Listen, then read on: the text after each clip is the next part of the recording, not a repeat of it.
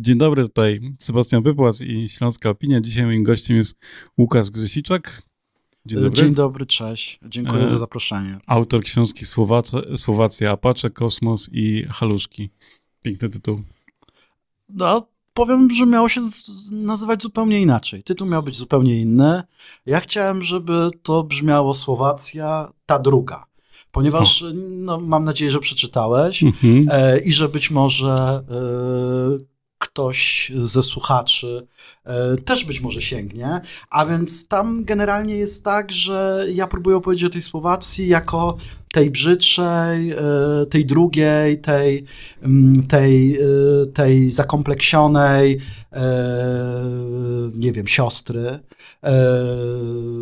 przez pryzmat Czechów. Mhm. Mm, I, I jak gdyby wydaje mi się, że w tych wszystkich historiach, które próbuję tam opowiedzieć, to ta Słowacja jawi się taka zakompleksiona, zwłaszcza zakompleksiona wobec Czechów.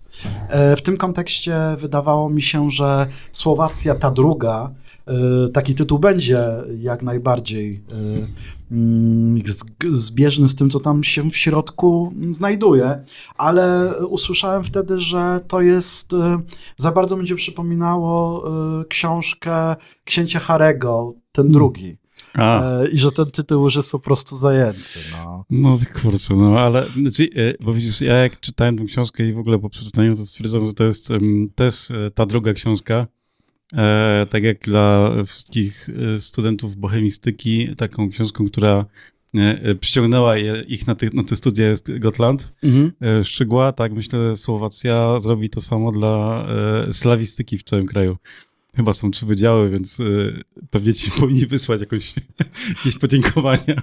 Nie no, wiesz, no porównywanie w ogóle, gdzie mi, gdzie mi tam do Szczygła i do Gotlandu, porównywa, to wiesz, ja no, ale rozumiem, rozumiem, że taka pochwała, taka... trochę jednak, trochę jednak y, y, jakiś taki przytyk, no bo tej, rzeczywiście tych Słowacji jest niewiele i nikt tej Słowacji y, nie chce studiować, a więc nawet jakby się pewnie zapisało pięciu studentów na słowacystykę, to to by już tak jakoś sprawiło, że... To ja się e, przyznam, bo ja studiowałem e, e, slawistykę właśnie z tego powodu, że e, e, znaczy słowacystykę z tego powodu właśnie, że bohemistyki nie otworzyli w tym roku. Tak, ale to jest też bardzo, ale, ale, ale wiesz, to jest też taka bardzo znana historia. E, no zresztą tego nie, nikt tego nie ukrywa. No, ja kiedyś robiłem wywiad z Andrzejem Jagodzińskim, no no, znakomitym tłumaczem, znawcą historii Czech, e, publicystą, wielo, wieloletnim korespondentem Gazety Wyborczej w Pradze. E, przecież on potem był, e, jeżeli się nie mylę, był szefem Funduszu Wyszehradzkiego, mhm. pracował przecież e, w ambasadzie, na pewno w Bratysławie, w Instytucie Polskim, mhm. był chyba nawet dyrektorem i tak dalej, i tak dalej. I on mi opowiedział, że on poszedł studiować czeski, dlatego że nie, otw nie otwarto wtedy języka chorwackiego. A więc wiesz, no, przypadki mają, mają wielką moc. Ta no. slawistyka tak działa, na, chyba na wszystkich, e, wszystkich uniwersytetach, że te języki są na przemian e, czorku różne. Tak, kiedyś tak było, nie wiem czy ciągle tak jest, ale rzeczywiście było tak, że otwierano jakieś różne e, i, i po prostu jak ktoś chciał iść studiować w danym roku, tak. no to miał jakiś ograniczony wybór. A my jeszcze z tego pokolenia, które musiało iść na studia, nie mogło sobie poczekać roku. Bo do wojska. Armia czeka, wzywa z daleka. E, dobrze. E, s, e, ta Słowacja e, dla Polaków to jest e, chyba taki dziwny kraj, nie? bo mm, Czechy to kojarzą się z jakimś piwem, z jakimś takim hulaszczym trochę trybem życiem, jest jakiś wojak, swek, ci Czesi tacy, a trochę nie zależy, ale fajnie się z nimi, też może nie do końca nas lubią, trochę się z nich śmiejemy, to oni trochę z nas, a ta Słowacja, no właśnie. Czym jest Słowacja dla Polski? Czym jest, wiesz, ja mam zawsze te problemy, bo ja y, jak, jak jestem w Czechach czy na Słowacji, to oni mnie tam często pytają, e, co myślą Polacy, albo jak to jest w Polsce, albo coś. Ja wtedy się czuję, że jestem w takiej, w takiej niewdzięcznej roli gło, jednoosobowego głosu całego narodu. A nie, to ja ci nie pytam, który jest ogromnie... co, co myślą Słowacy o Polsce, albo co myślą no, Polacy. Ale to pytasz mnie, co ale Polacy myślą po, po co, o Słowacji. Po co no? Polakom Słowacja? Co, po co Polakom Słowacja? Po co mogą pojechać do Słowacji i, i co poznać, co zobaczyć? No wiesz, no, ja, ja opowiem o sobie, nie? No i generalnie no, no, o ile Czechy To jest być może trochę tak jak u ciebie, jak przeczytałeś Gotland, nie? To jest taka, to jest taka, mm, taki związek z miłości, czyli tam na początku było, no ja oczywiście opisuję i tutaj e, jak ja jestem z Dąbrowy Górniczej, pochodzę z Dąbrowy Górniczej, tam oglądali, ja jestem stary, mam 42 lata, w młodości oglądaliśmy tę e, czeską telewizję bez problemów i tam była taka bardzo znana, popularna, myślę, dla osób w moim wieku, wśród osób w moim wieku, prognoza pogody, ona się charakteryzowała tym, że ona była rozbieraną prognozą pogody, znaczy ubieraną prognozą pogody. Otóż tam przychodziła, to było wieczorem, po ostatnim wydaniu wiadomości, tam przychodziła taka naga modelka, no i ona się ubierała i w zależności od pogody się ubierała stosownie do tego, jaka jest prognoza pogody na dzień następny.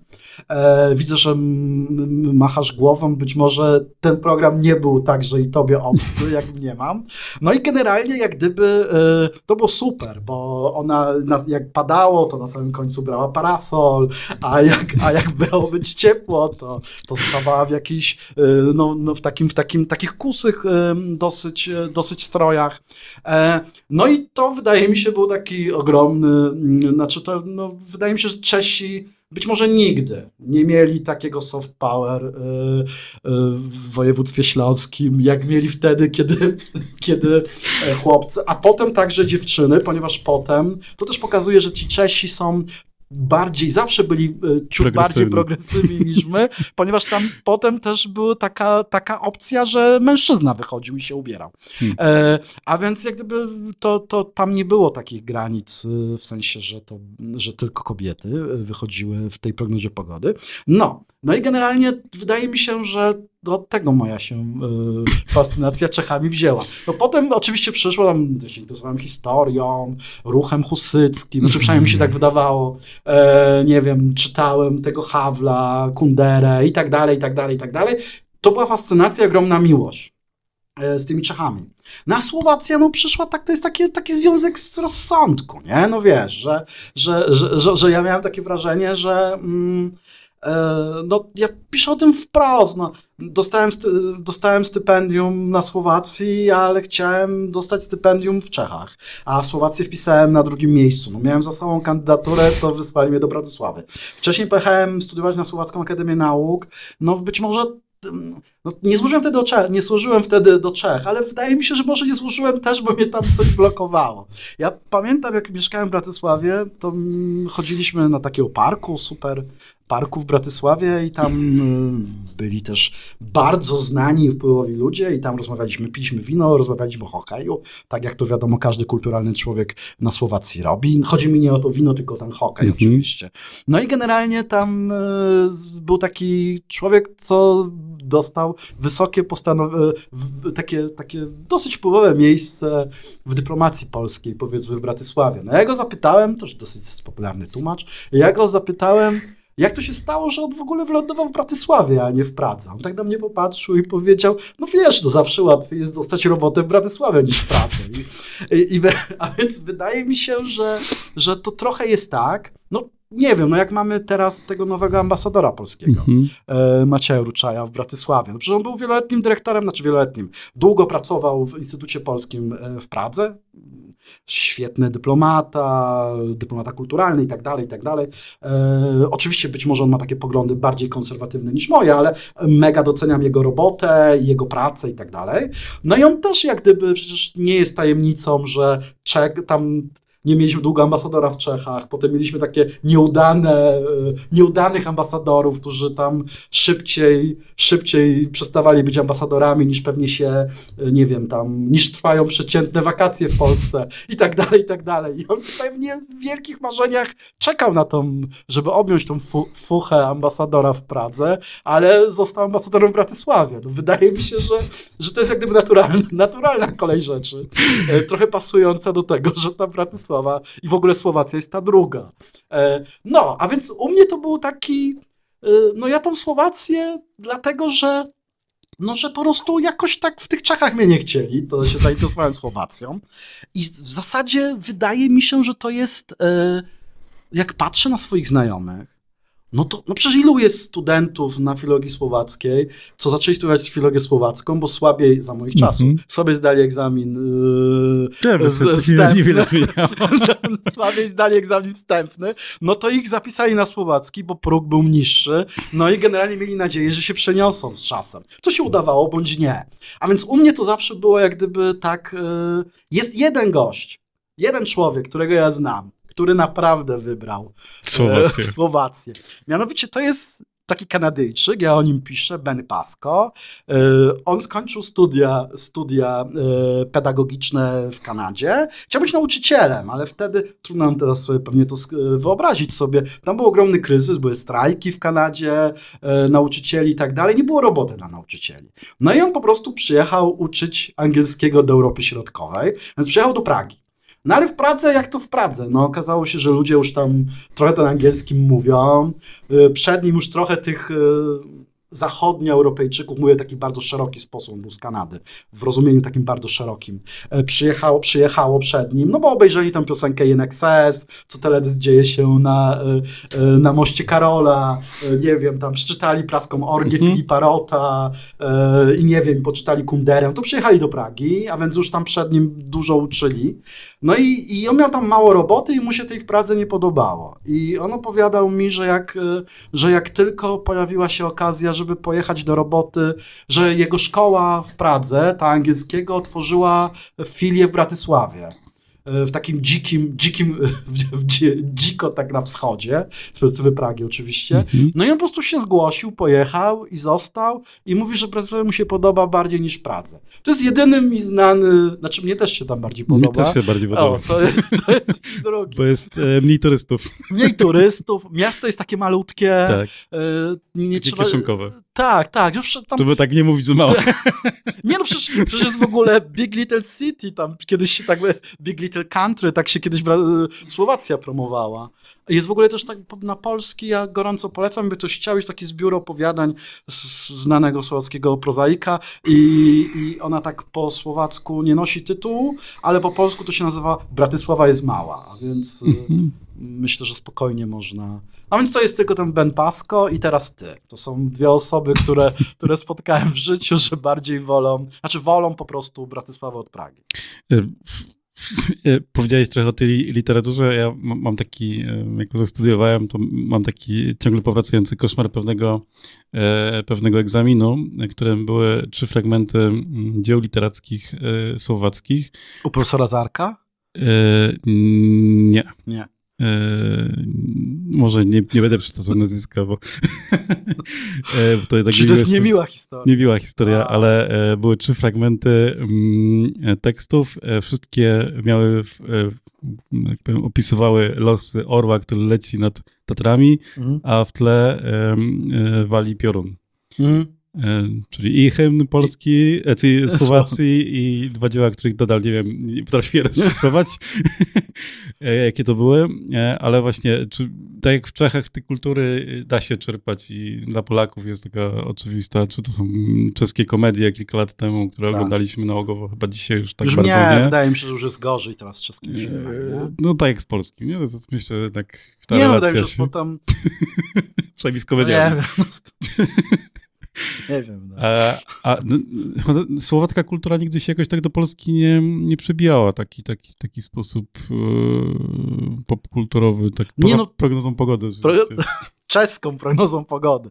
E, A, to była czeska racja. Ale nie, nie, no zupełnie, znaczy wiesz, na pewno wydaje mi się, że tam są dwa aspekty. Znaczy przynajmniej mi się tak Mhm. wydaje.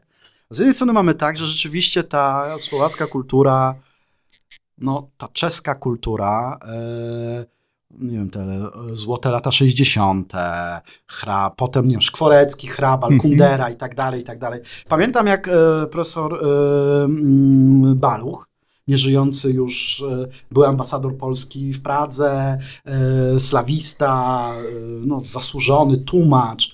On był długo, wykładał w, na UJ-cie e, w Krakowie i też na Uniwersytecie Opolskim.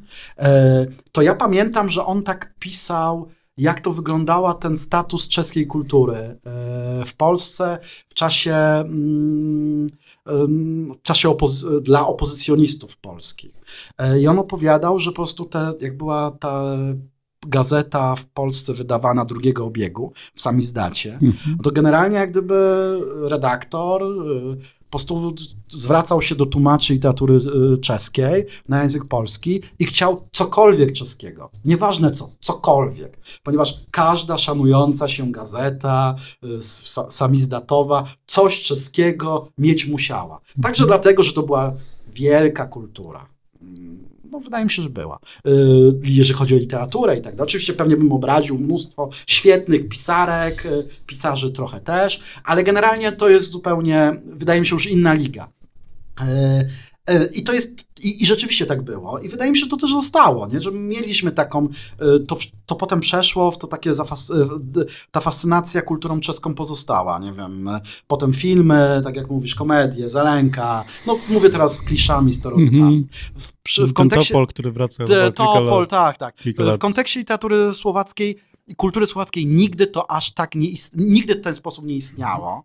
E, to też jest oczywiście, e, pokazuje drugi problem. E, już kończę ten pierwszy wątek, mianowicie, że no bo ta kultura, którą my trochę bierzemy za czeską, te filmy Formana, mhm. te filmy Mencla i tak dalej, one też były trochę słowackie, były czechosłowackie, e, one tam miały jakąś domieszkę. No, no to jest właśnie ten cały problem, że my ciągle tak z automatu wszystko, co, co było za czechosłowackie, za, za, za Czechosłowacji, utożsamiamy z czeskim, a bardzo często tak nie do końca było. No bo oczywiście powiedzmy, no nie można powiedzieć, żeby Mencel albo Forman nie byli Czechami, no ale popatrzmy, kto tam grał, kto tam mhm. reżyserował, kto tam, kto tam, nie wiem, był operatorem e, i tak dalej, i tak dalej. No przecież ten film współtworzyli też i Słowacy, a my automatycznie uznajemy je po prostu za czeskie. E, to też jest dużym problemem dla tej, dla, dla tej z perspektywy tych słowackich kompleksów, mm -hmm. prawda? Ale to jest jeden wątek. I rzecz, czyli mówiąc prosto, ten status kultury słowackiej był nieporównywalnie w Polsce, był nieporównywalnie inny niż czeskiej kultury w Polsce, no i też jej siła oddziaływania jest o wiele, o wiele mniejsza. Y, ale z drugiej strony mam wrażenie, że mamy też do czynienia z takim, no, no wiesz, no to też jak ta kultura słowacka jest po prostu promowana za granicą i w Polsce.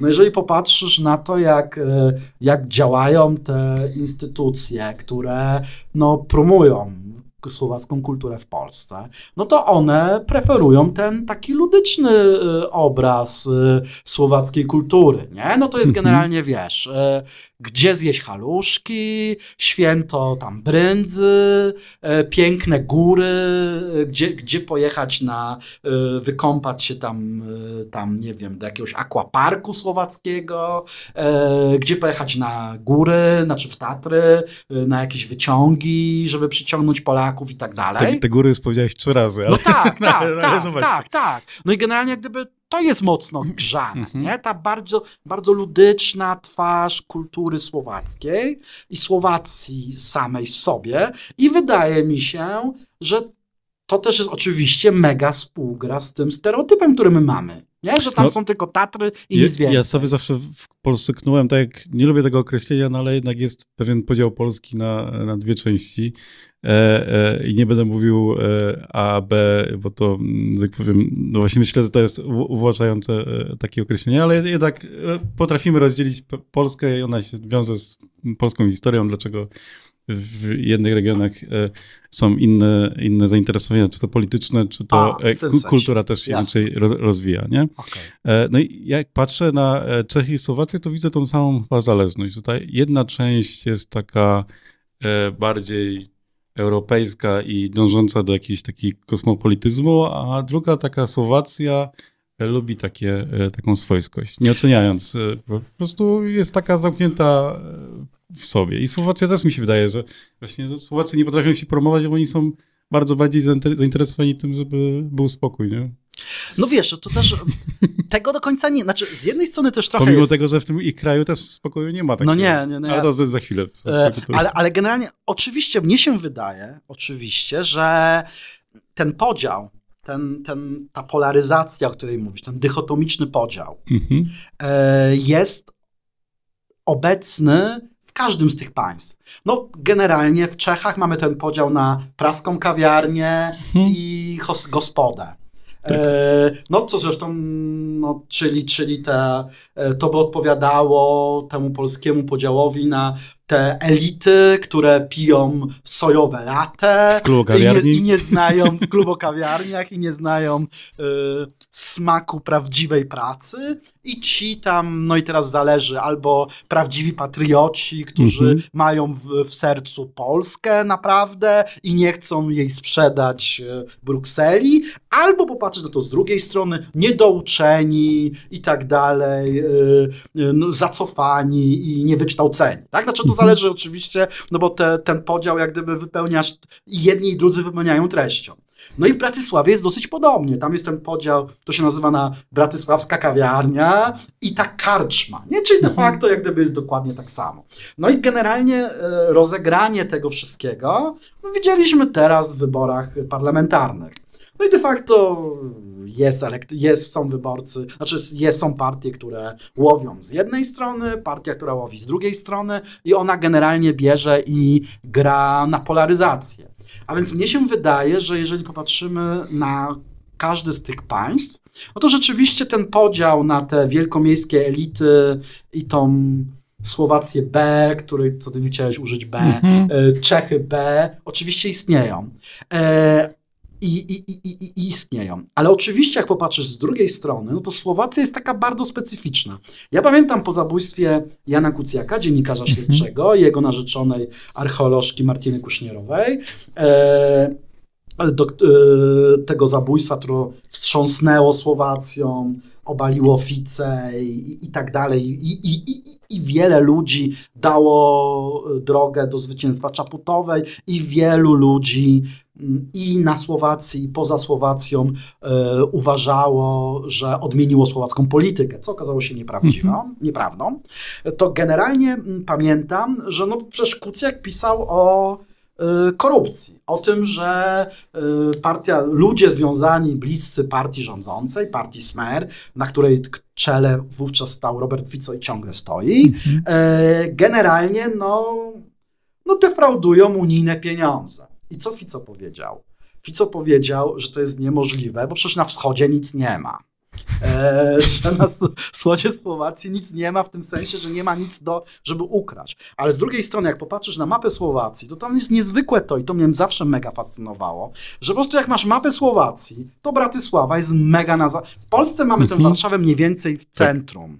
No i mamy te inne. Mamy ten Kraków, Katowice, Wrocław, mamy jakiś Poznań, Gdańsk. No mamy takie dosyć mocne ośrodki, które mniej więcej naturalnie mają tę samą odległość do, y, do Warszawy. Oczywiście bardzo to upraszczam.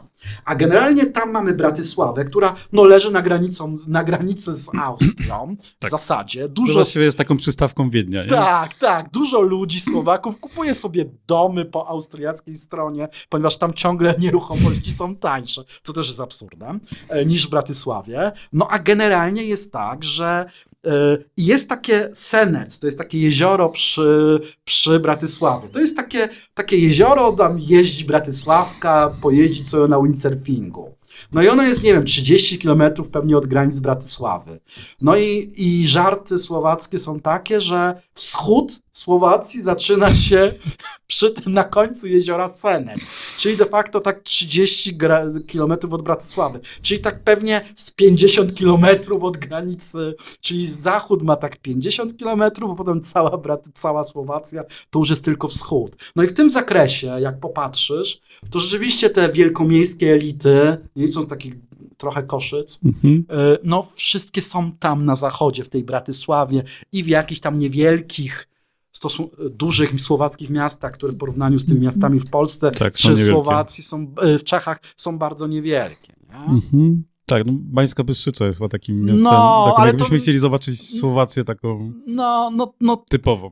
No tak, tak, zresztą, zresztą z tą bańską bystrzycą to jest, to jest super to, co mówisz, że to jest typowa Słowacja, bo generalnie tam opisuję e, tą misję w kosmos, mm -hmm. którą pojechał, poleciał Iwan Bela. No, e, to jest to, po prostu Słowacja, powstał nowy kraj, po rozdzieleniu Czechosłowacji ci Słowacy mieli, Związek Radziecki miał dług wobec Czechosłowacji, a więc część tego długu przeszło na Słowację, czyli reasumując, Związek Radziecki, Rosja potem była winna Słowacji pieniądze. No ale wiadomo, że no, nie miała ochoty tych pieniędzy oddać. No to był kryzys, Gajdar, wiadomo, yy, w Rosji. No i de facto yy, zaproponowano Słowakom, żeby w ramach rozliczenia tego długu, części tego długu, wysłać yy, jakiegoś Słowaka w kosmos. To była misja w ogóle bez sensu, straceńcza, na tydzień, w ogóle bez sensu, program, w ogóle cel tej misji taki naukowy był zrobiony na kolanie, nic z tego nie wyszło. Tam de facto ten, ten Słowak miał badać, jak tam, yy, jak tam żyją japońskie kukułki. No w ogóle absurd, te kukułki w większości umarły, te, które wróciły wróciły, nic z tego nie, nie wiemy, jak one tam żyją, bo ciągle nie, nie mamy to zbadane. No i de facto, jak gdyby tam Słowacy, to była po prostu misja, tak naprawdę to był cel polityczny. Chodziło o to, żeby nowy, nowy naród, nowy kraj e, pokazał się na arenie międzynarodowej i wysłał w kosmos swojego obywatela. No to też jest ten problem, że Czechosłowacja wysłała Remka. No tylko, że wszyscy kojarzyli tego Remka czechosłowackiego jako Czecha, że to mhm. Czesi wysłali Yy, wysłali w kosmos kogoś, a Słowacy nie. No to Słowacy postanowili wysłać. No i wysłali. No i było poszukiwanie szybko tego kosmonauty przyszłego. No i oczywiście wybrano tam pilota, pilotów myśli, wśród pilotów myśliwców i w ogóle i w mhm. ogóle. No i opisuję tę historię, tam było dwóch kandydatów. Był ten Iwan Bela, który ostatecznie poleciał, ale generalnie on był jak gdyby on był niższy stopnie, ma mniej godzin wylatania na, yy, i tak dalej, i tak dalej, i tak dalej. I generalnie wszystko wskazywało, że poleci jego ten drugi, ten, ten, ten, ten, ten, ten bo tam wyznacza się dwóch, że ten drugi poleci, ten jego yy, kontrkandydat. Mhm. Ale de facto on nie poleciał. No nie poleciał dlatego, że on miał po prostu w swojej, e, w swojej krwi miał przodka z czeskiego, czeskiego Cieszyna, czyli miał Czecha. Słowak, który miał w krwi Czecha jako przodka, nie mógł reprezentować godnie Słowacji w kosmosie, a i tutaj wracam do Bańskiej Bystrzycy. Iwan Bela był po prostu spod Bańskiej Bystrzycy, czyli generalnie on tam y, mieszkał, mieszkał pod Bańską Bystrzycą i tak dalej, miał przodków Słowaków i Bańska Bystrzyca w tym w kontekście wylotu kos wybrania kosmonauty, który poleci w kosmos, okazała się takim po prostu, no jak tym, jak tym wzor, wzorcem pod, pod Paryżem po prostu e, słowackości.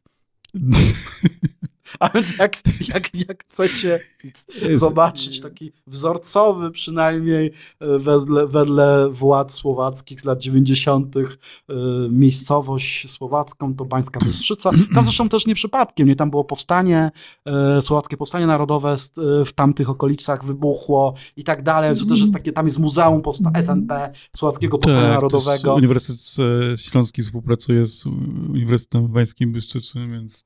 Tak? Tak z tego, co wydaje mi się Może, może to ja, to ja Więc te kontakty gdzieś tam takie e, są. Myślę, że do Bańskiej Byszczycy pojechać warto i, i, i niezależnie, czy jesteś studentem, czy Wszędzie nie, warto to... pojechać na Słowację. A, no. oczywiście. No.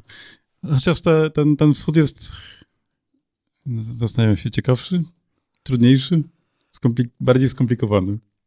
Powiem ci, w ogóle ja mam wrażenie, że cała sytuacja jest dosyć skomplikowana, ale, ale być może to jest, to jest jak gdyby moje spojrzenie, bo ja uważam, że w ogóle wszystko jest skomplikowane, życie jest skomplikowane i tak dalej, a więc w tym sensie sytuacja też jest skomplikowana. Ale jeżeli pytasz e, o ten wschód, ja mhm. mm, przed wyborami e, pojechałem na wiece wyborcze najważniejszych partii. Mhm.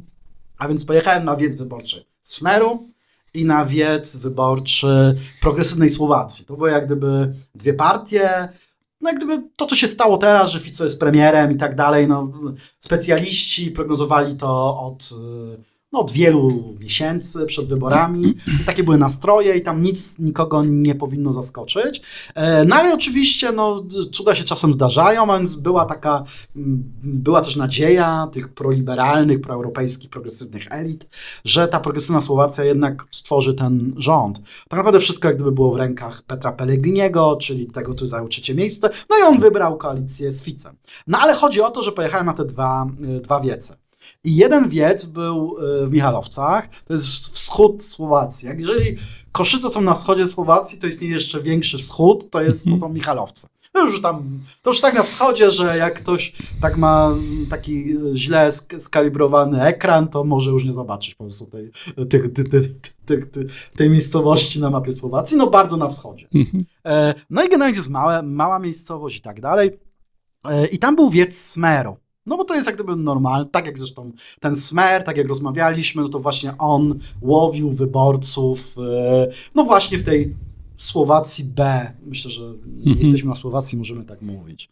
E, no i generalnie to było niezwykłe, mm, ponieważ tam było, e, tam było tak, na wiecu, na wiecu było tak, że przed, przed wiecem był poczęstunek, wszystko było darmowe, piwo darmowe. E, darmowe były tam haluszki, bryndza, e, haluszki darmowe, poczęstunek, knedle z mięsem, e, wszystko, wszystko było darmowe, ten poczęstunek. Mnóstwo ludzi no, przyszło, no wiadomo, do jedzenia. Ci kandydaci chodzili między tymi tam, jedli też to, to typowo tradycyjne słowackie, słowackie jedzenie. No i tam przygrywała taka kapela, przygrywała taka słowacka kapela, muzyka ludowa, y, ubrani górale, ubrani w stroje ludowe, no i grali takie skoczne melodie, które tam do, idealne do piwa, y, knedli i haluszek. Y, haluszków chyba, to się tak odmienia. Przepraszam, nie wiem, bo ja za bardzo nie lubię. A więc do tej potrawy, haluszki. No. No i potem y, było to spotkanie y, w takiej, w Domu Kultury, mhm. mega wydarzenie, no przyjechał no, Fico, jego cała świta i tak dalej, mm, weszli do Domu Kultury, było mnóstwo ludzi, oczywiście wyborcy przede wszystkim e, starsi i tak dalej. No i zagrał taki, no powiedzmy, słowacki Lombard, jeżeli, jeżeli wiesz, co mam na myśli. Mm -hmm. Taki zespół kilku hitów z dawnych lat, który tam dzisiaj grał y, na tym, na tym, na tym, tym. No i potem wyszedł, wyszeddł ten, y, wyszli ci kandydaci, między innymi Fico i przemawiali. Był też ten Blacha, który zasłynął, zasłynął z tego, że y, został wiceprzewodniczącym tego jednoizbowego parlamentu mm -hmm. słowackiego i zamiast zdjęcia Czaputowej powiesił Che Guevara. E, no więc on był i tak dalej trzeba, to taki przypis w przypisie, nie wiem czy to w ogóle jest istotne, mianowicie Słowacja jest podzielona na jeden okręg wyborczy. A więc de facto jak gdyby wszyscy Słowacy w całym kraju głosują na tę samą listę. Nie jest tak jak u nas, że jest kilka okręgów i tak dalej. Mhm. Co jak gdyby dlatego ci wszyscy wyborcy tam, ci wszyscy politycy tam przyjechali, no bo ci ludzie mogli głosować na wszystkich tych ludzi, mhm. ponieważ to jest tylko, każda partia wystawia tylko jedną listę, jednych kandydatów. 150, bo tyle, tyle miejsc jest do zdobycia. No i de facto w parlamencie jednoizbowym. No i de facto jak gdyby wyszedł tam ten Fico, no i to po prostu było, znaczy ja generalnie nie, no i no ja nigdy w życiu, znaczy ja już dawno nie byłem na publicznym spotkaniu, żeby tyle było. Seksistowskie żarty, żarty z przedstawicieli mniejszości LGBT+, plus, e, e, nie wiem, e, uprzedmiotają kobiety, no coś niezwykłego. No i oczywiście antyukraińska retoryka. Mhm. No i tam wyszli, musicie iść do wyborów, zagłosować, bo ci w Bratysławie wymyślą coś nie wiadomo. O, granie na polaryzację, przedstawianie progresywnej Słowacji jako wielkiego wroga, który sprzeda Słowację, nie rozumie słowackiej duszy i tak dalej, i tak dalej, i tak dalej. No to wszystko było, coś było niezwykłego. Tam było też niezwykłe to też, co mnie mega zaskoczyło, bo wszystko inne to, jakby wiadomo było, że tak mhm. Będzie tego się spodziewałem. Ale niezwykłe było to, że, no bo to też jest niezwykłe na tej Słowacji, że no, ta kultura jest ludowa, o, o czym mówiliśmy, yy, no i brak w niej, nie wiem, królów, yy, wielkich władców, tej bogatej historii, do której mhm. można się bardzo, można się yy, odwoływać. E, co jest mega, mega dowcipne w tym kontekście, wyglądają te wszystkie zapowiedzi słowackich populistów, czy tam jakichś tam e, nacjonalistów, którzy mówią, że chcą e, make Slovakia great again, no bo nigdy great Słowak, Słowacji nie było. E, no, no i generalnie jak gdyby był kiedyś taki sondaż, bardzo, bardzo popularny, zrobiony przez słowackie media, na największego Słowaka. I tam trzecie czy piąte, już nie pamiętam, miejsce zajęli Cyryl i Metody jako wielcy Słowacy. No jak wiadomo, jest to dosyć absurdalne. Słowacy, Cyryl i Metody byli Słowakami tak jak ja ze swoim metrem 64 mógłbym zostać gwiazdą NBA, pakującym do kosza. E, oni tyle mieli wspólnego mm, z, z, z byciem Słowakami. E, i Fico tam, na tym wiecu, co wywołało ogromny aplauz z publiczności, zapowiedział, że jak wróci do władzy, to, to, to przywróci to święto Cyryla i Metowego na Słowacji, no i że będzie, i że będzie znowu ta, to święto, że to jest, to jest prawdziwa Słowacja, to właśnie, to właśnie musi świętować święto Cyryla i Metodego. E, I to było niezwykłe, ponieważ następnego dnia pojechałem na wiec progresywnej Słowacji do Tręcina to jest takie miasto, powiedzmy blisko Żyliny, jedno z większych na Słowacji. No i tam poszedłem na spotkanie progresywnej Słowacji, na wiec e, Simeczki, e, lidera progresywnej Słowacji. Progresywna Słowacja pewnie Państwo to wiedzą, to jest ta partia, z której wywodzi się Czaputowa. Mhm. A Simeczka był na samym początku doradcą Czaputowej, e, potem poszedł do Parlamentu Europejskiego i był nawet wiceprzewodniczącym Parlamentu Europejskiego. Teraz jak przyjął ten mandat e, i został słowackim posłem, no to już nie jest tym przewodniczącym, już nie jest europosłem, jest tylko słowackim posłem, ponieważ nie można łączyć tych dwóch funkcji. No i generalnie i ten wiec był niezwykły. To było w takim klubie muzycznym, to spotkanie miało taki charakter takiego talk show. E, tam była kanapa, trochę, jak, trochę jakbyś był na nagraniu programu mhm. Kuby. Wo- Nigdy nie mhm. byłem, ale tak sobie wyobrażam. Tak. Kuby Wojewódzkiego, jakiegoś takiego, takiego popularnego talk show. Były te kanapy, e, a więc tam przaśność tego, co było wcześniej na smerze, to jest ostatnie słowo, które mogłoby to określić. Tam wszystko było takie, takie, takie wiesz, takie, mhm. takie naprawdę pasujące do, do, do, do, do, do, po prostu niesojowego, bo teraz już owsianego, do owsianego lata. Mm -hmm. I e, popularna dziennikarka prowadziła tę rozmowę. Tam był, tam był, tam był Simeczka. E, Simeczka mówił o tym, że biega, że dba o zdrowie. Generalnie był tam bar w tym klubie. Oczywiście w tym barze nie było nic za darmo, tylko wszystko trzeba było sobie kupić. No i de facto byli, y, byli tam no, więcej młodych ludzi. E, no, na, na pierwszy rzut oka no, widziałeś, że to jest zupełnie mhm. inna grupa wyborców. I też niezwykłe było to, że e, i to mnie też tak bardzo uderzyło, że o ile tam było to darmowe piwsko, o tyle w tym Tręczynie, na e, tym wiecu w charakterze, w charakterze e, talk show e, progresywnej Słowacji, to tam generalnie było tak, że był bar, ale w barze nikt nie kupował piwa, jeżeli już to bezalkoholowe, jak ktoś przyjechał samochodem mhm. i oczywiście pito wino. Znaczy tam generalnie jak gdyby nawet to piwo też wydaje się takie bardziej e, niepasujące do wyższych sfer, przepraszam, no nie wyższych sfer, e, e, progresywnych wyborców i najśmieszniejsze było to, że wszystko, jak czekaliśmy, jak się to rozpocznie, to w tle leciał taki, taki delikatny jazzik. E, I dla mnie to było coś niewiarygodnego, że, że wydaje mi się, że jakbyś to sobie chciał tak przedstawić, scenarzysta by to opisał, mhm. to wyszłoby, że to jest zbyt tendencyjne, nie? że to jest nieprawdopodobne, że świat tak nie może wyglądać. Ale to się naprawdę zdarzyło, nie? Że, że, że po prostu to, były, to było 24 godziny, dwa różne miejsca, spotkania dwóch różnych, part, dwóch różnych wyborców, dwóch, dwóch różnych partii i po prostu kiedyś tam, nie wiem, ktoś mnie tam zapytał yy, przy okazji tych wyborów, yy, no, czy ta Słowacja jest podzielona.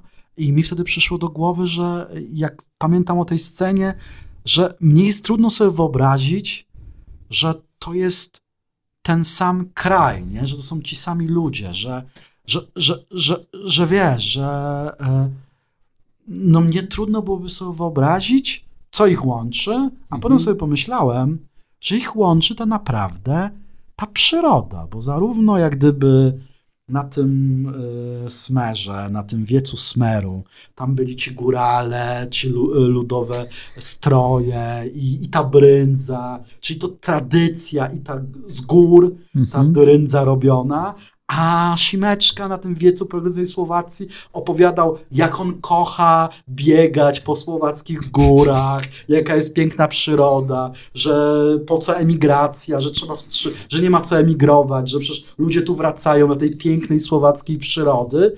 I pomyślałem, że jedyne co tą słowackość być może teraz spaja, to właśnie ta, y, nie wiem, no ten, ten, ta słabość do tradycji i do gór.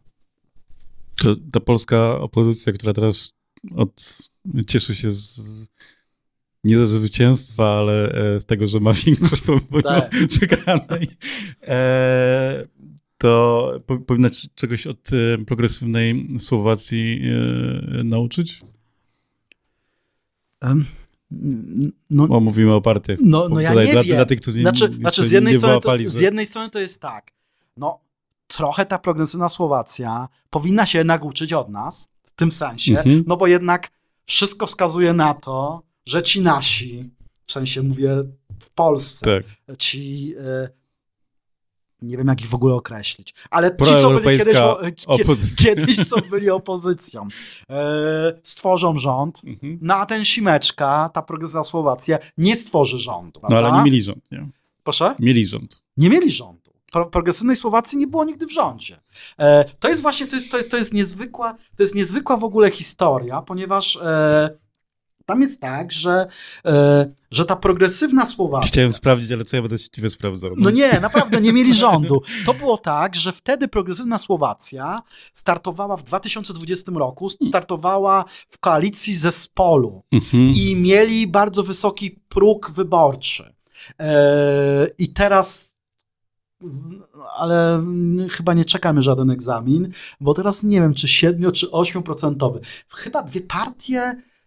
Tam jest właśnie, że różnie jest w zależności od e, składowych. Mhm. Brakło, nie wiem teraz właśnie, czy 7 czy 88% próg mieli wyborczy w 2020 roku e, i generalnie brakło im niewiele. Tam brakło ich naprawdę niewiele głosów. E, I nie weszła do parlamentu progresywna Słowacja. I rząd stworzył tak naprawdę lider Olano, to była Igor Matowicz, to był taki, taki też populista, taki, taki, no ale jak gdyby on nienawidził, nienawidził Ficy, Mhm. walczył z tą korupcją Ficy i tak dalej, i tak dalej, i tak dalej, i tak dalej. I zebrał takie bardzo różne partie od, od sasa do lasa, to się mówi po polsku, prawda? Mhm. Od jakichś chadeków, e, e, e, od jakichś takich e, e, do, do liberałów e, ze Wolność i Solida- tak, Wolność i Solidarność, SAS. Mm, taki skrót słowacki. I generalnie tam była bardzo szeroka koalicja, no i dlatego ona potem też się rozpadła. No i być może jak gdyby to jest nauczka dla, dla, dla, dla, dla, dla, dla, tych naszych opozy- e, tej naszych partii opozycyjnych polskich, które generalnie prawdopodobnie przejmą władzę, że te szerokie koalicje, ta szeroka koalicja, która przyszła po smerze w 2020 roku, nie przetrwała całe, całego okresu, całej kadencji, tylko przyszły tam te przedterminowe wybory, właśnie dlatego, że jak się okazało, nie łączyło ją nic poza niechęcią do Ficy. I okazało się, że to było spoko, żeby zrobić władzę, ale generalnie, żeby ją utrzymać, to już nie wystarczyło. E, A więc być może wydaje mi się, że to może być w jakiś sposób taki, taka, taki, taka, taka no, przestroga dla, dla, dla Tuska, że de facto tak naprawdę sama niechęć do Kaczyńskiego to jednak może być za mało na 4 lata i ewentualnie potem utrzymanie władzy e, przy jakichś ewentualnych wyborach. E, Ale z drugiej strony, jeżeli mówisz o tej progresywnej Słowacji, to, to, ja, to, to ja w jakiś sensie muszę ci powiedzieć, że w mojej ocenie nie ma tak progresywnej partii w Polsce. Znaczy, że e, Mhm. i jak ludzie narzekają na to, że progresywna Słowacja jednak nie wygrała wyborów, nie? Znaczy zajęła drugie miejsce. No nie wygrała. No to dla mnie to jest yy, i że to źle jest, że to jest bardzo tradycyjne społeczeństwo i tak dalej, że ten Fico wygrał, populista i w ogóle, i w ogóle, i w ogóle. No to oczywiście to jest jedna strona medalu i rzeczywiście tak jest. Ale z drugiej strony, jak ja popatrzę, że 17% wyborców zagłosowało na progresywną Słowację, partię, której w, moim, w mojej ocenie tak progresywnej partii w Polsce nie mamy, która generalnie, no mimo wszystko mam wrażenie, że Tusk trochę, trochę puszczał oko do takie, no, straszył uchodźcami mhm. z Indii, e, co bardzo mnie zabolało, ponieważ e, z kolegami z Indii gram badmintona i jak sobie wyobrażałem, że, że ktoś czuje na nich, to, to bardzo wydaje mi się, że, że, że to było słabe. Grał tą kwestią bezpieczeństwa, prawda? Znaczy, jakby odwoływał się do takich mega antyuchodźczymi i tak dalej. Grał mega takimi, takimi kartami, które wydaje mi się, progresywna Słowacja nigdy nie zagrała. E, mhm. I ona, i to było coś. Mm, a więc ja trochę zazdroszczę. Ja, to nie jest tak, że, ja, że tylko współczuję Słowakom, że mają tego Fice i rząd Ficy. E, bo ja uważam, że, Słowa, że, że jak gdyby historia słowackich wyborów to jest, to jest góra, dół, góra, dół, góra, dół. Jak Tam wszystkie wybory są o życie. E, góra, dół, góra, dół. I Słowacy no, rozumiem, że tu nie przeklinamy, już kilka razy byli w takim miejscu, mhm. o wiele gorszym niż są teraz i zawsze sobie radzili. I ja uważam, że sobie poradzą. To jest, e, to jest, to jest generalnie w mojej ocenie e, naród, który, e, który, dla, dla którego ogromnej części jeżeli ona oczywiście się zmobilizuje i pójdzie na wybory i poczuje się zagrożona i poczuje, że trzeba, to po prostu pójdzie, opowie się za demokracją, za kursem proeuropejskim i tak dalej. I pójdą zrobić to w wyborach, e, obali kiedyś Meciara, E, i pójdą też, e, jeżeli będzie trzeba, na ulicę, tak jak obalili Fice e, w tych wielotysięcznych protestach, nie tylko w Bratysławie, ale w tych malutkich miejscowościach, z których trochę na początku się śmialiśmy, być może trochę niesprawiedliwie, wyszli na ulicę w protestach za przyzwoitością w polityce, przeciwko korupcji, za proeuropejskimi wartościami, za wolnymi mediami, przeciwko władzy, która pozwala albo, nie wiem jak to powiedzieć, która sprawia, że się morduje, albo która ma przynajmniej moralną współodpowiedzialność, że się morduje dziennikarzy. Więc ja w tym sensie yy, uważam, że Słowacy sobie, ja w nich wierzę i uważam, że sobie poradzą.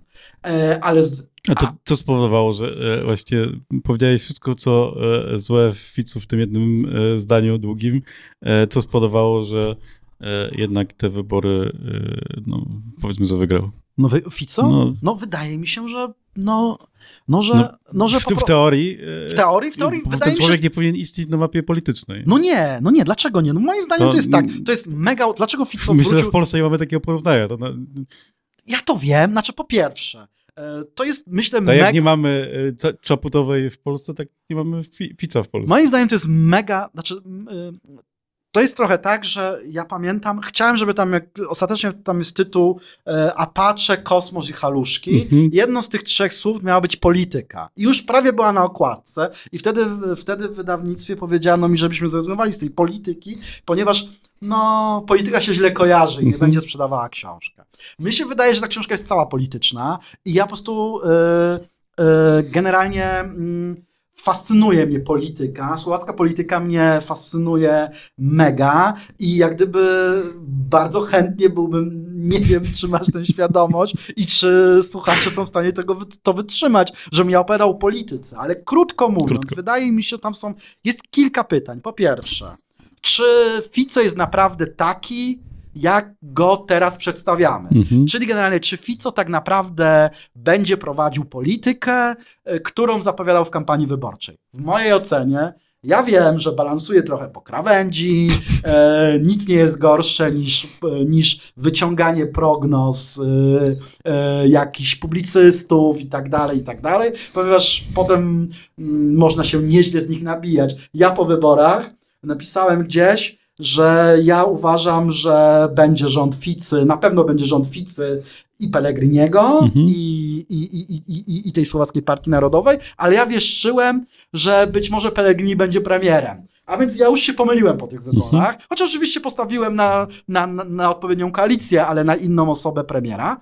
E, I Pellegrini został e, szefem parlamentu, żeby, rozumiem, zawalczyć w przyszłorocznych wyborach prezydenckich. Ale de facto, tak mi się wydaje, ale de facto jak gdyby w mojej ocenie Fico po prostu mówił to, y, co mówił, ale oczywiście słowa mają dużą moc, ranią, y, kształtują rzeczywistość, psują, psują debatę publiczną i tak dalej, i tak dalej, i tak dalej, ale w mojej ocenie Fico nie będzie realizował 100% tego programu, który zapowiadał. Po- Choćby tak, że, a nawet jeżeli będzie chciał. znajdź mi takiego polityka, który realizuje no bo, ale nie, ale że generalnie chodzi o to, że on to mówił po to, żeby w mojej ocenie, żeby zdobyć władzę. Mhm. Ale de facto, no bo on, ale de facto No ale to wiesz, to w kolejnych wyborach będzie musiało być coś jeszcze więcej, nie? No Jeszcze to, raz? No, w kolejnych wyborach będzie musiał podbić bębenek, no bo już nie będzie mógł No nie wiadomo, co będzie, wiesz, co będzie za 4 lata. Jak będzie wyglądała wojna w Ukrainie? Czy tam już będzie pokój, czy nie będzie? Ja, jaki ten pokój tam zostanie podpisany? A może nie zostanie, a może zostanie podpisany? To jest jedna rzecz. Dru, druga rzecz, no jeżeli Słowacy, y, jest taki y, szef IWO, Instytutu Spraw Publicznych, to skrót ma IWO przez V, y, Meseżniko, takiej powiedzmy, nie wiem, no, Fundacji Batorego, odpowiednich Fundacji Mhm. Batorego na Słowacji. I on generalnie wyliczył, że Słowacja w pierwszym okresie, bo Słowacy od samego początku wysyłali tam broń i tak dalej, i on wyliczył na początek, w pierwszych miesiącach, że Słowacy, biorąc pod uwagę na obywatela, swoj, no, na, na ludność, na ile, ilu, ilu Słowaków jest, to z przeliczeniu na jednego obywatela wysyłali w pierwszych okresach najwięcej tego ofensywnego, nie lubię tego sformułowania, Mhm. ofensywnego uzbrojenia, e, żeby pomóc Ukraińcom.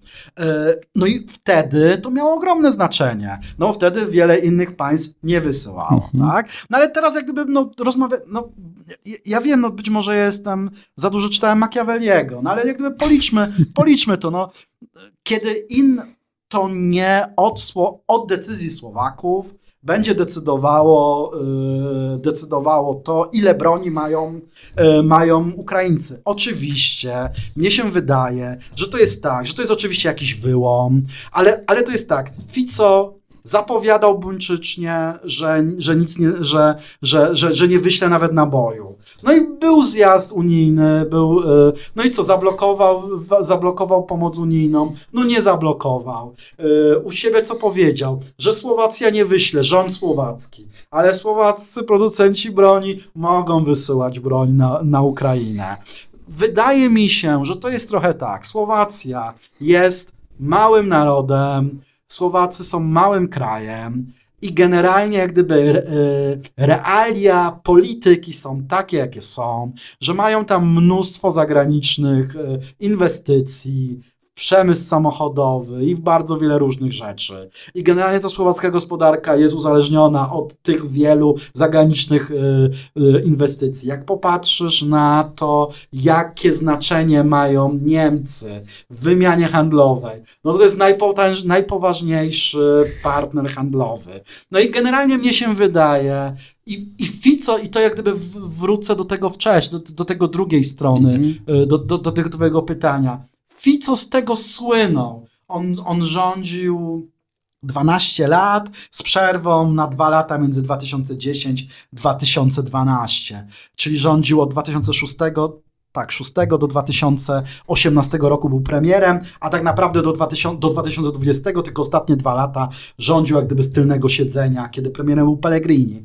No to de facto jak gdyby on w tym czasie to jest zręczny polityk. Myślę, że w Polsce nie mamy tak, tak zręcznych polityków. Jest, jest mega utalentowany. E, No szkoda, że ma takie poglądy, jakie ma. I Trochę jak realizuje- Viktor Orban. To jest... Tak, tak. Jeszcze tak. podobna klasa mega, polityczna. mega zgręcznym politykiem jest. No i de facto, jak gdyby wydaje mi się, że on przez te lata, no przecież kto wprowadził Słowację do Unii Europejskiej, do Unii, przepraszam, do strefy euro. No oczywiście poprzednicy, Mhm. ale to się stało, to skończył ten proces. On e, nie zatrzymał tego procesu Robert Fico. Fico w tamtym okresie, jak rządził, trzymał z jednej strony mega kurs na Brukselę. Był w jądrze, w jądrze Unii, w tym sensie, że, że był, mieli, mieli euro. No nie, ale mieli euro. No, jedyny, tak, tak. jedyny unijny, jedyny kraj i dotychczas pierwszy, dotychczas jedyny kraj hmm. Grupy Wyszehradzkiej i wiele nie zapowiada, żeby to się zmieniło, który przyjął, który przyjął euro i tak dalej, i tak dalej. I on miał dwie twarze. Robert Fico. Zawsze. Miał twarz na politykę wewnętrzną do siebie w domu. I miał e, twarz na politykę zewnętrzną. E, I wydaje mi się, no i oczywiście na zewnątrz to on był e, pro, proeuropejski i tak dalej, i tak dalej, i tak dalej, i tak mhm. dalej. Jak, gdyby, jak sięgniesz po gazety z tamtych okresów, szczególnie na początek, jak wygrał, jak wygrał, jak wygrał PiS, i był jeszcze w 2015 i mhm. był wtedy Fico jeszcze premierem, no to w polskich gazetach proliberalnych przeczytasz naprawdę bardzo miłe portrety Roberta Ficy, y, że Słowacy mają proeuropejski rząd i w ogóle, kiedy rozmawiałem ze słowackimi ekspertami, Słowakami, co piszą niektóre gazety na temat Ficy bardzo pozytywnie w tamtym okresie, to się łapali za głowę, no i okazało się, że, że mieli rację, mhm. a to nie my mieliśmy rację. Ale znaczy te nasze gazety pro, pro, pro, pro, proliberalne i tak dalej. No i de facto, a więc on miał zawsze dwie twarze. No i oczywiście jest tak, że teraz ta twarz na politykę wewnętrzną będzie jeszcze bardziej paskudna.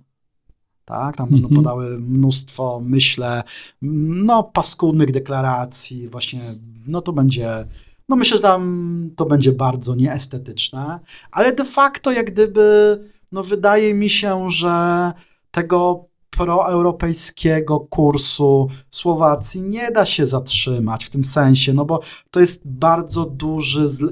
znaczy jasne, ktoś tam sobie powiesi Che Guevara, tak, mhm. w, w, w, biurze w Parlamencie Europejskim, znaczy w biurze parla, Parlamentu Słowackiego, tego Rady mhm. Narodowej.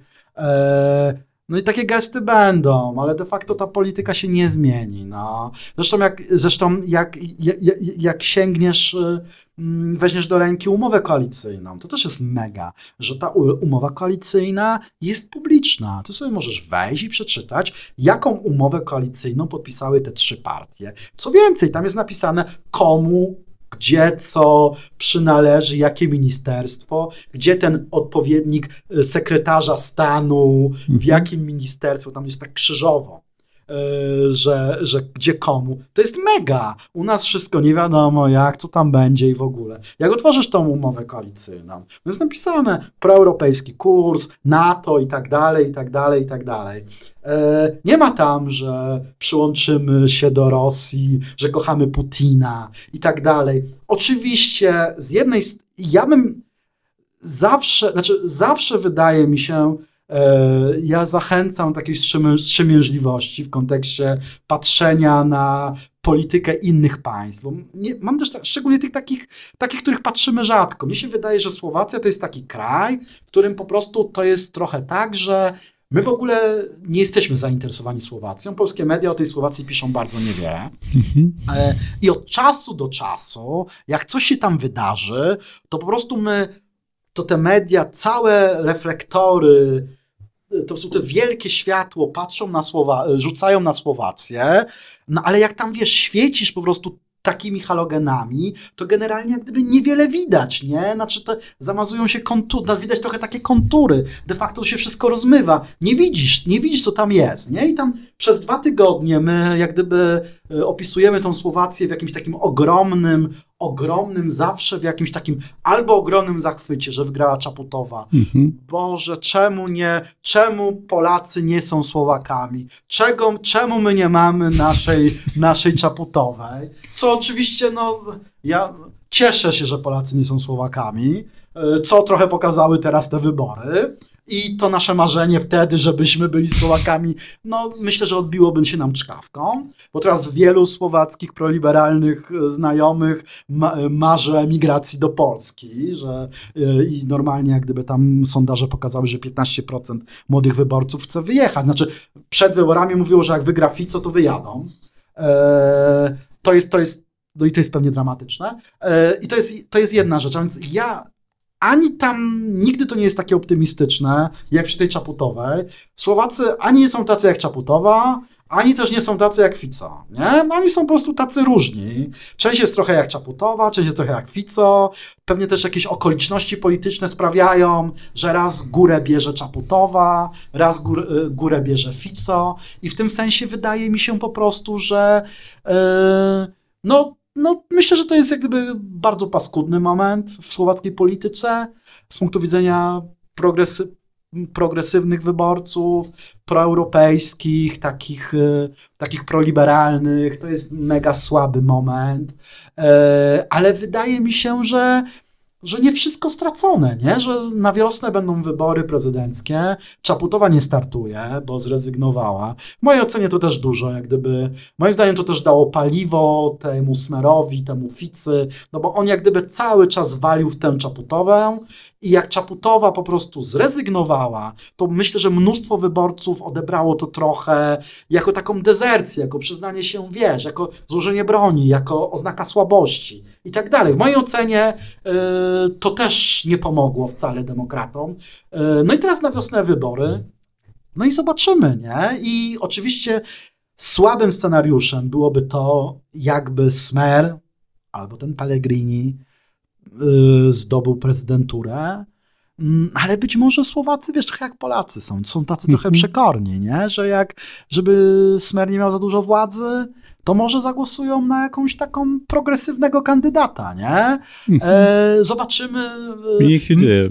Tak, zobaczymy, co będzie, co będzie na wiosnę i wtedy zobaczymy, czy te nasze prognozy o tym, że jest tak źle, e, były słuszne, czy też jak gdyby e, ta jaskółka nadziei Y, trochę tam wzbije się ponad Tatry, jak y, mówiłeś o tym swoich y, literackich zadaniach Koszmarek. podczas egzaminu.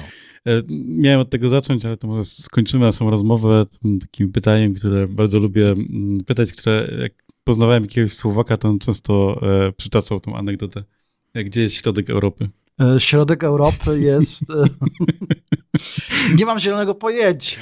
A gdzie jest środek? No na Słowacji. Na Słowacji. Nie, no tam przecież, ale e, wiesz, jak przejrzysz te środki o, Europy. Daleko Wajskiej Wyszczycy w Kremnicach. E, e, Kremnica ba, bania, chyba tak się po polsku ale, powinno ale zobacz, ale generalnie... Kremnickiej bani, o, ale, chyba tak. Ale generalnie te, te, przecież y, gdzieś tam na Litwie ma być, nie? W Polsce miał być środek Europy. Wszyscy, wszyscy chcą ten środek Europy. No i przecież też, meta, nie wiem, ta Czesi też uważają, że, Europa, że, że środek jest u nich, nie? Oni też tą metaforę serca wykorzystują i w ogóle. Tak. Wiesz, mi się też wydaje, że ja też mam takie wrażenie, że mm, wiesz, jak ktoś właśnie tam y, jak ktoś mi opowiada, że środek Ale Europy Słowaków jest... słyszałem y, y, ten no, argument, że w Słowacji jest środek No ale przecież jak czytasz Szkwareckiego Tchórzy, to tam jest przecież to zdanie e, Kostelec był w środku, leży w środku Europy, nie? A więc wiesz, no jak gdyby gdzie nie popa... Znaczy mnie się wydaje, że to też jest taki, taki my Polacy też tam, że w środek Europy. Mhm. Ja pamiętam... Chodził... Europa centralna, e, ja, Ale ja też chodzi... ja pamiętam, chodziłem kiedyś właśnie, chodziłem kiedyś na zajęcie do profesora Zamorskiego, to jest taki historyk e, na, na Uniwersytecie Jagiellońskim. I to się nazywało Społeczna Historia Europy. I profesor Zamorski e, zwykł zawsze, e, zawsze opowiadał tak. No wiedzą Państwo, no Polska, Europa Środkowa, jak my chcielibyśmy się widzieć, i Europa Wschodnia, jak widzą nas inni. Nie? A więc wydaje mi się, że to, że, że, że, że, to poszukiwanie, że jesteśmy w środku, że ta nalepka ciągle, żeby, żeby czy jesteśmy Europą mhm. Środkową, czy nie jesteśmy, ta ucieczka do Europy Wschodniej i tak dalej, no to jest taki, wiesz, no to trochę też jest przejaw takich takich cywilizacyjnych kompleksów, nie? E, I to jest, myślę, domena nie tylko Słowaków, ale też Polaków czy Czechów. Łukasz Grzesiczek był moim gościem. Dziękuję bardzo. Dzięki serdecznie. To był podcast zrealizowany przez Stian Media.